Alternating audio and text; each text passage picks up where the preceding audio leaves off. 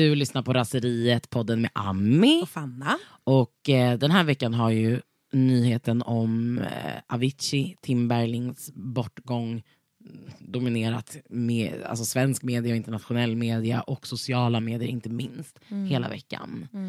Och eh, kommer du ihåg vart vi var när vi fick veta att han hade gått bort? Ja, vi var jättehypade i en taxi på väg till våran fest som vi hade i fredags på Underbron.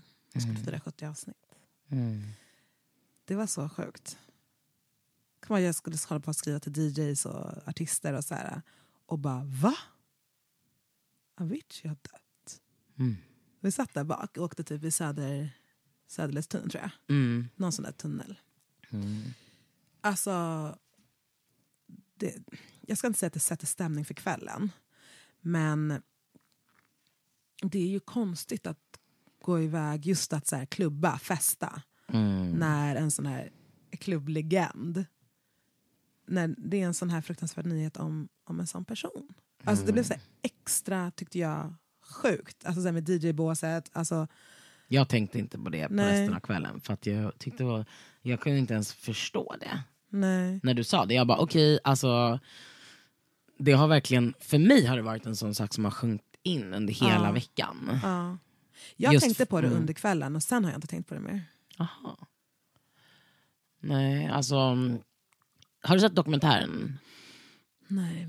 Det finns ju en dokumentär att se på SVT Play som har, eh, ja, det är ju väl jättemånga som har sett den nu under veckan. Den släpptes ju för några veckor sedan. Eh, och, så vissa såg den ju innan och sen fick man beskedet att han hade, att han hade gått bort. Eh, och den som har sett dokumentären alltså, eh, vet ju liksom det man, och du har inte sett den, men du har ju säkert sett liksom folk har skrivit om den. Mm, jag sett lite klipp så här. För i dokumentären där har de ju följt liksom Tims liv i typ åtta år tror jag att det är. Från när han har gjort noll spelningar. Så det är, alltså, den är väldigt omfattande. Och man följer ju hela utvecklingen av hans karriär. Mm.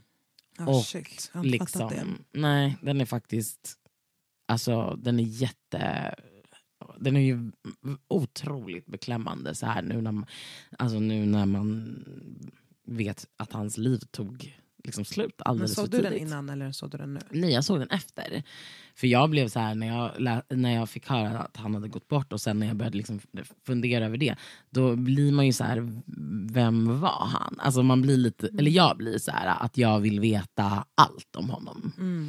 Och typ, ja men så här, man går in på hans Instagram och kollar på bilder och man blir ju så här, det är som att man liksom vill mm, förstå någonting som inte går att förstå. Liksom. Men man vill ju ändå, eller jag blir så här att jag vill förstå typ något. Vad hände? Man undrar ju det såklart. Mm. Och också typ så här. äh, Jag, tyck, jag tyckte att det varit så fint. Alltså, och väldigt, det så väldigt sorgligt. Men jag tyckte att det varit så fint typ när man har sett den här dokumentären och i efterhand hans liksom, stackars familj som har ju gjort några sådana här pressuttalanden. Eh, och senast precis nu eh, har de ju skickat ett nytt sånt här press eh, brev liksom, via, via deras pressperson typ. Mm. Där de har skrivit, för folk har ju spekulerat så himla mycket i vad som, har- vad som har hänt. Liksom. Mm. Eh, och nu har de ju skrivit liksom själva att, så här, att han var en sån himla skör person och att han funderade jättemycket över så här, livets existentiella frågor och han ville bara få göra det som han älskar, vilket är musik och liksom att han inte var gjord för det här maskineriet som han så hamnade i. Typ. Och att han till slut ville han ha frid. Så, typ. Man kan Det läsa är så sorgligt. ja, men det är så sorgligt.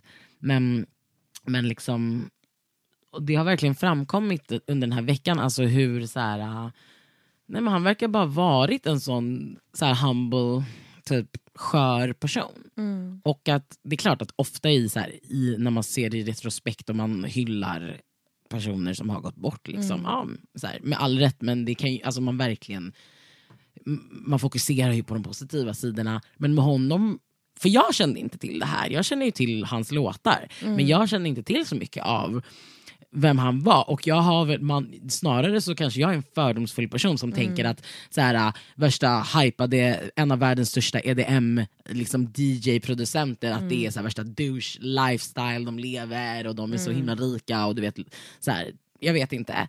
Men så verkar det bara som att han verkligen bara har varit en så här jätteskör och typ Introvert.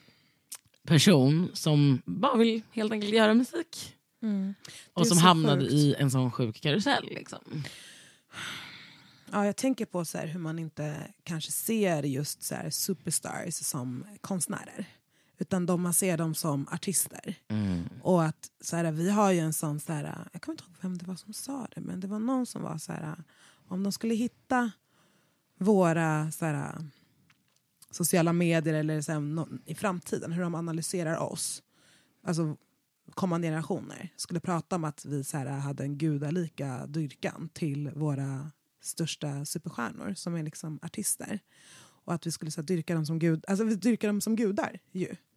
Ehm, och att så här, i den typen av idoldyrkan som vi har till superstjärnor så glöms ju människan bort. Alltså det skapas ett varumärke som blir så stort att personen inte har, har något utrymme. Eh, och just då tänker jag verkligen på, på det där med att han, eller det jag har sett och läst om att han skulle vara så en introvert människa.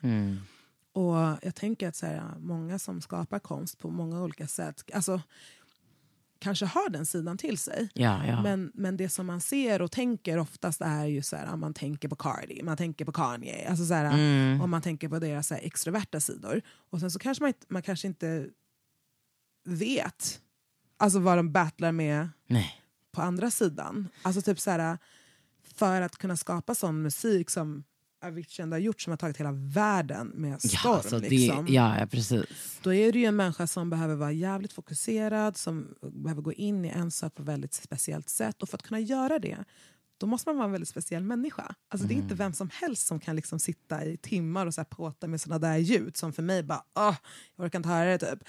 Men, men liksom, det är ju, det är ju verkligen, alltså det är en konstnär. Och att konstnärer dör och kon- att konstnärer kanske alltså begår olika typer av självmord eller, eller självskadebeteenden. Och så här, det är ju liksom typ det mest kända som finns. Ja. Tänker du liksom att folk, alltså så här, att man när man står med facit i hand, att man kanske borde ha fattat det tidigare? typ eller? Men jag tänker bara att man tänker på så här, äh, stjärnor som tar livet av sig eller dör, dör i så här, drogrelaterade grejer. Att man bara tänker att så här, eh, fame took them typ. Och man bara, nej det kanske är världen som så här, inte värderar konsten på rätt sätt. Alltså förstår du vad jag menar? Mm, ja, alltså, man värderar ju i alla fall 100% pengarna före. Även om det är hans konst som drar in pengarna så är det ändå eyes on the prize, alltså bara pengarna. Och det är ju, för det, är- det är ju så tydligt i dokumentären. Alltså det är så smärtsamt. Alltså, Och där tänker jag i och för sig att just det här med droger och fördomarna kring den genren blir ännu större. Alltså, Och pengarna och maskineriet kring de här stora festivalerna som drar så mycket folk.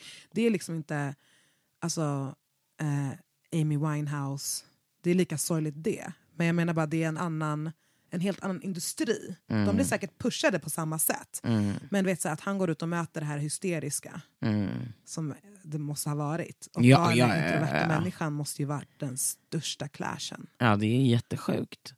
Och också så här, jämförelsen med Amy är ju också rimlig för att bakom både Amy och eh, ja, Tim Bergling så har det ju liksom också funnits människor som man verkligen i efterhand så här, ifrågasätter deras agendor.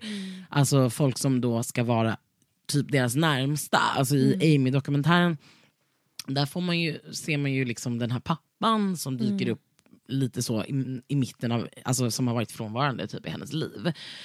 Och som dyker upp när hon börjar liksom make all that money och fame. Och liksom är ju en av dem som verkligen är med och pushar henne till alltså, livsfarliga, som sen också blev hennes död.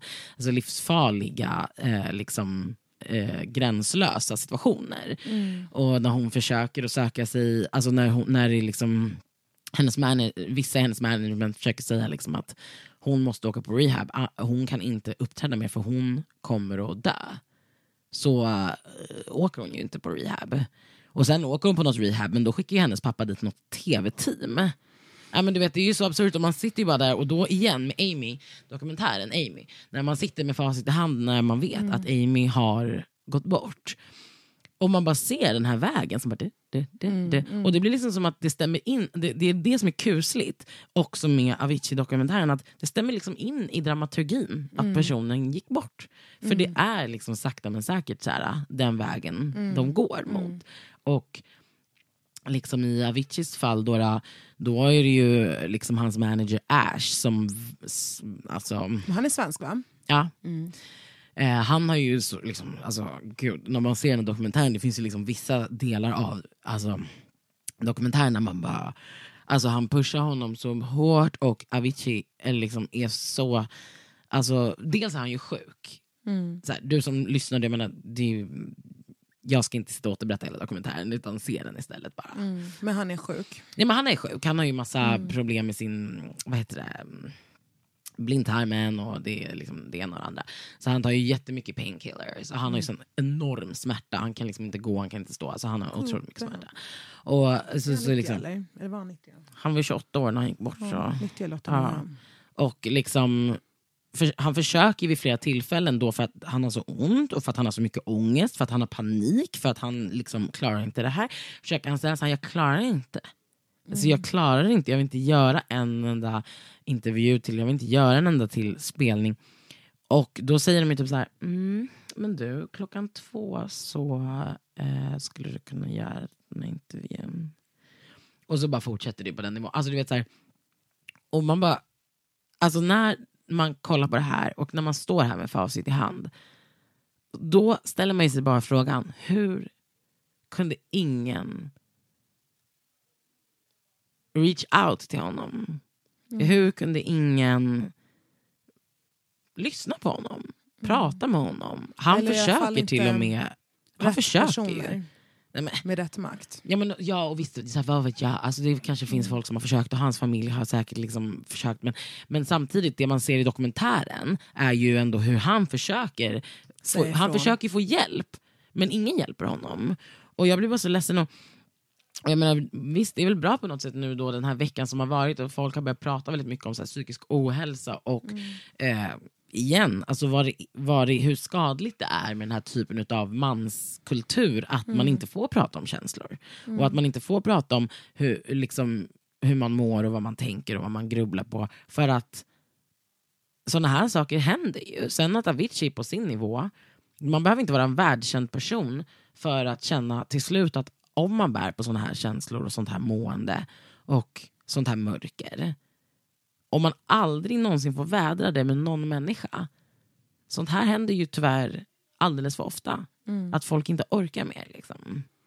Och här blir det bara sjukt för att man fick en sån, med den här dokumentären får man en typ av insyn och han är känd så vi, se, vi ser honom, vi har sett honom, vi har hört hans musik. Alltså man får ju lite inblick. Liksom. Mm. Men jag menar, såna här saker händer ju även fast folk inte har den li livet som Avicii hade. Absolut. Alldeles för ofta. Och, och det, det är ju det här liksom, att folk är så ensamma i sina känslor. Mm. Alltså, och mycket så killar, fast tjejer också och andra personer. Alltså bortom kön, men liksom mycket just i den här mansnormen. Ja, ja. Och jag bara blir så här, usch hur länge ska liksom det vara så jävla fucking förbjudet att känna Mm. för killar? Och framförallt alla de känslor som liksom kommer med en sån jäkla stor alltså portion beundran och sån stor portion alltså så här, eh, carelessness. Folk omkring en alltså värdesätter det man skapar kanske. Eller ja, det är ju det de gör istället för en själv. Alltså så här, de här människorna, alltså hur mansnormen också drabbar kanske på ett annat sätt när det handlar om liksom någon som man ser upp till. Någon som alla de här männen i hans kompisgäng eller i hans liksom entourage på olika sätt Mm. bara så här, äh, profiterar på honom på olika sätt. Om och om och om igen. Och hur han liksom då måste hålla ihop det för att han fixar ju allt för alla. Och Det är ju hans namn och det är liksom He's the cool guy och det är, det är ju han som har fixat det här glammiga livet till så här plus hur många människor som helst. Liksom. Ja. Ehm, att då bara så här, alltså jag orkar inte gå på det här, eller jag orkar inte göra det här. Och så, jag kan tänka att så här, steget till att de ska fatta, så, vadå, hur vill du inte göra den här feta spelningen på Ibiza? Hur kan du inte vilja ta det här nicea flyget hit och dit? Alltså, för att de andra är ju inte i honom. Nej. Att då prata om de känslorna och dessutom vara man. Mm. Alltså det måste ju vara på en sån annan nivå. Ja. Fett sorgligt alltså. Jag läste att eh, han eventuellt skulle gjort tre stycken spelningar i sommar. Mm. Eh, att det kom någon nyhet, jag läste på SVT Kultur att, att det var en tysk tidning som hade skrivit om det och att han hade sagt så här att jag han hade blåst av det så här, i sista sekunden typ och varit så här, jag vill inte hamna där jag hamnade förut. Jag vill inte må så där igen liksom. Så att jag kan inte göra det. Jag är rädd för att det kommer skada mig. Mm. Man bara så, det är som du säger, alla de här tecknen som är enkla för folk omkring honom att se i efterhand. Mm. Ska det behöva come to that liksom? Det är så grovt. Är det är så hemskt? Jag tycker, ja, det, är, det är verkligen hemskt. Det är verkligen sorgligt. Jag känner liksom att så här, jag, men jag hoppas liksom att alltså vi får väl göra vårt i det. Eh, fast vi är ju fortfarande vi är ju två liksom, kvinnor. Men att så här, försöka, alltså det här samtalet om psykisk ohälsa, vare sig det är liksom det som du har pratat mycket om som har att göra med stress. Eh, eller liksom att prata om det i podden eller kanske att vara, våga vara öppen själv runt om sig. Men också så här, jag vet att så här, Power Meeting pratade om det här. De pratar, de pratar ganska ofta om psykisk ohälsa, vilket jag tycker är så bra. Och en av anledningarna till varför jag tycker deras podd är så bra och viktig. Att det är viktigt att tre snubbar, coola, coola killar, kan sitta och snacka om sånt. Så här, Vilket de gör. Och um, liksom, jag tänker att så här, jag, jag tänker vad kan man själv göra? För mig kan det handla också om att fråga, för jag har ju ett sätt att fråga tjejer så här, och kvinnor hur de mår och man kan komma ganska snabbt in på något seriöst och djupt och så här. Men det är inte lika ofta jag frågar killar, alltså förväntar mig ett sånt samtal med killar. Men att så här, vad vet jag, det kanske kan vara man själv som vågar ta ett sånt samtal med en snubbe och typ så här Alltså men du vet att här, våga fråga på riktigt typ hur någon mår. Alltså jag har haft några sådana samtal med så här, kollegor på jobbet typ, vid några tillfällen. Att jag så här, bara, så här, hur är läget? Man säger alltid vad läget är. Alla säger alltid bara bra bra, man säger bara bra. Och så typ så här, men ibland ser man ju att folk inte mår bra och jag jobbar på en arbetsplats där folk stressar jättemycket. Mm, det har också hänt massa sjuka grejer. Det har hänt massa grejer och så, så bara, och då brukar jag ibland försöka så här, typ så här, säga till dem bara så här, eh, alltså är det bra eller? Alltså du får jättegärna säga om det inte är bra också för det är helt okej. Typ, så här. Och det är ganska ofta det kommer någonting annat som är mer real. Alltså, jag vet inte om det är något vi kan göra, att försöka öppna upp för ett sånt samtal med snubbar. Typ. Men ja, alltså, det här är en samhällelig fråga. Det är inte som att alltså, an- ansvaret ligger på massa olika platser. Liksom. Jag hör dig. Alltså, det är ett samhällsproblem att folk, alltså, med psykisk ohälsa. Mm, jag hör dig. Jag tycker, alltså, så här, och det, här, det blir ju intressant, så här, just den här grejen som man typ aldrig nästan pratar om, att feminism ju också är för män. Typ. Att så här, det handlar om samhällsstruktur, det handlar om normer, det handlar om mående och det handlar om lika chans till liv. Och liksom på olika sätt. Feminism för mig ju. Och liksom det är det det är. Eh, bland så mycket mer såklart. Men att så här, feminismen får så mycket så här, ja, men det är så mycket fördomar kring att det är en så här, kvinnofråga. Ju. Jag tycker det blir så här väldigt tydligt på det du sitter och säger här nu. Att, du, att så här, nu ska du eller vi så här, öppna Ah, att jag som kvinna ska ta- samtal. ja. Alltså, vet, det blir lite som man bara... Ja, men det kanske är det som behövs. Alltså, så här, feminismen är, är kanske det verktyget som kommer kunna påverka de här normerna. Ja men det är också, ja och jag menar, jag tänker ju också att på det stora hela så vill man att det ska bli så bra som möjligt för så många som möjligt. Patriarkatet drabbar männen på det här sättet. Även om du och jag oftast i den här podden, alltså vi tar inte mannens perspektiv. Nej. Liksom we're busy like, med saker som drabbar oss personligen och kvinnor och det vi står för, eller det vi är. Men det är klart att vi vet i vår analysförmåga att patriarkatet drabbar män på det här sättet.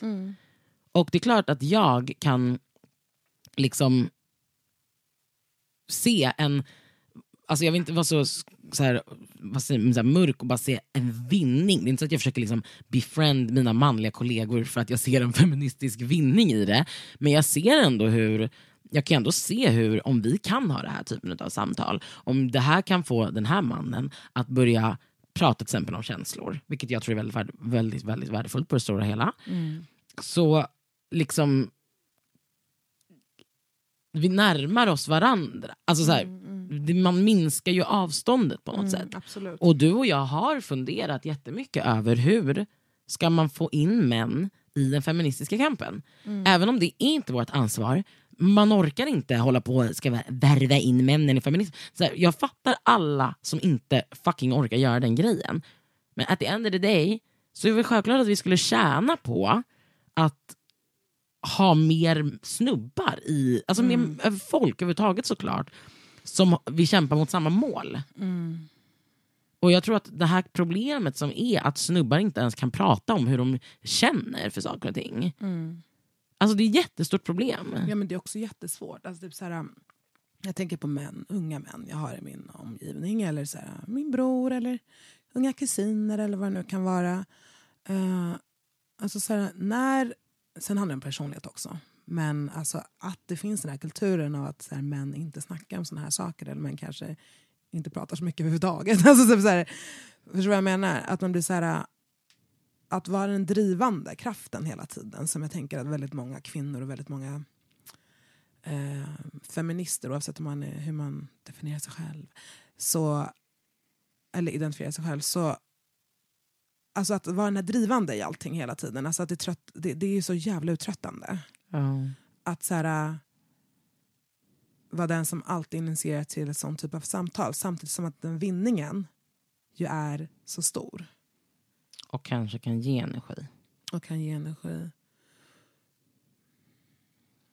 Man, man får lyssna på sin magkänsla. Du, det är klart att du inte ska stånga dig blodig med någon jävla snubbe på jobbet eller vart det nu är i skolan som liksom Man bara, hur du motarbetar dig och ja, men, så här, Mm, ja, men typ en douche. Alltså, jag menar, jag snälla, alltså, så här, trust me, jag sitter inte med vem som helst på mitt jobb och Nej. bara men hej hej, så är det ju inte. Men jag menar typ så här, de eh, typ män som jag kanske ändå känner att man har någon typ av connection Mm. med så känner jag att det finns en liten lucka för att så här, försöka ha ett lite djupare samtal så som jag kan ha med mina kvinnlo- kvinnliga Mm, kollegor utan att det är värsta stora grejen. Ja, jag menar bara Och- att det kan bli så himla konstigt. Alltså, så här, jag kan känna att det kan bli awkward. Alltså, så här, att man ska vara, då ska man hitta på ett sätt att inte göra det awkward. Alltså, så här, Alltså du menar att det blir awkward i ditt möte? ja, Okej. att man så här, försöker prata om någonting eller försöker få upp någon, någon så här diskussion och så bara landar det typ platt. Alltså, det har jag känt med både så här, flörtar eller gamla pojkvänner. Att man har varit så här, men hallå, um, ska vi inte prata om det här? Du, vet? Eller ska vi, du kanske behöver fundera på det här. Och så, så är man inte mottaglig. Alltså, så här, Mm. man måste, folk, folk måste ju vara mottagliga också. Ja, och, och det kan kännas som en sån jävla förlust att vara den som så här, försöker och vill snacka. Och, och så tänker man så här, jaha, ja, men det är, det, det är väl kvinnans lott då. Att bara prata, prata, prata. Samtidigt som alltså, värderingen är ju jätteviktig och det är därför man fortsätter snacka. Men, men det är så jävla, ibland så händer det saker som sätter liksom, fingret på problematiken. Mm. Och, och så tänker jag också, precis som du, att så här, men lösningen är ju ett breddat samtal.